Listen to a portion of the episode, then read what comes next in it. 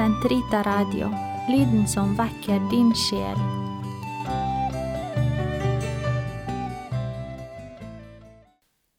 Den katolske kirkes katekisme, uke 33, torsdag 1480 til 1484.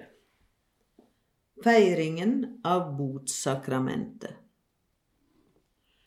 Som alle sakramenter er også boten en liturgisk handling. Følgende elementer inngår vanligvis i feiringen. Prestens hilsen og velsignelse. Lesning av Guds ord for å opplyse samvittigheten og vekke anger. Og oppfordring til å angre syndene Synsbekjennelsen som både erkjenner syndene og gir dem til kjenne overfor presten. Ileggelse og godtagelse av bot. Prestens absolusjon. Lovprisning, takksigelse og bortsendelse med prestens velsignelse. Den bysantinske liturgi kjenner til flere absolusjonsformularer som i forbønns form vakkert gir uttrykk for tilgivelsens mysterium.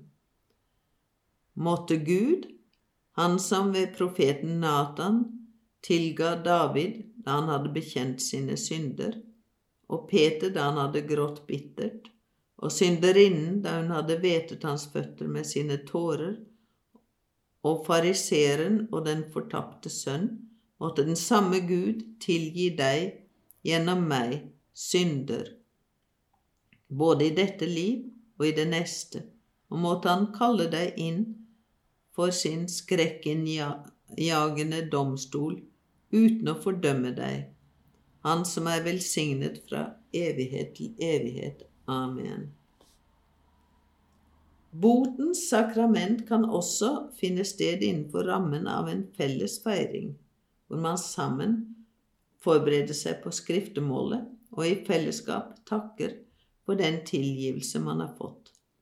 Her blir det personlige skriftemål og den individuelle synsforlatelse satt inn i rammen av en ordets liturgi med lesninger og homilie, felles samvittighetsransakelse, felles bønn om tilgivelse, Fader vår og felles takksigelse. En slik feiring uttrykker klarere botens kirkelige preg. Uansett på hvilken måte botssakramentet feires, er det imidlertid alltid etter sin natur en liturgisk handling, og derfor kirkelig og offentlig. I alvorlige nødstilfeller kan man gripe til en felles feiring av forsoningen med generelt skriftemål og generell absolusjon. Et slikt nødstilfelle kan oppstå når det foreligger umiddelbar dødsfare uten at presten eller prestene har tilstrekkelig tid til å høre hvert enkelt skriftemål. Nødstilfelle kan også foreligge når det i forhold til antall skriftebarn ikke finnes skriftefedre nok til å høre individuelle skriftemål innen rimelig tid, slik at de som søker til skriftet, uten feil fra deres side, lenge ville måtte være den sakramentale nåde eller Den hellige kommunion foruten. I slike tilfeller må de troende, for at absolusjon skal være gyldig, ha til hensikt å skrifte sine synder individuelt når de får anledning til det.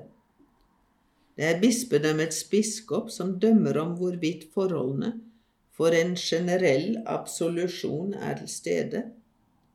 Stor sammenstimling av troende på store festdager eller til pilegrimsferder utgjør ikke et alvorlig nødstilfelle.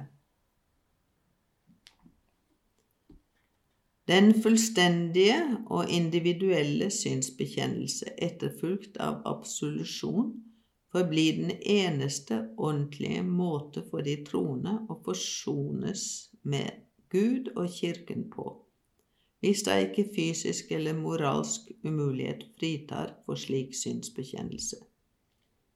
Det er ikke uten grunn det forholder seg slik.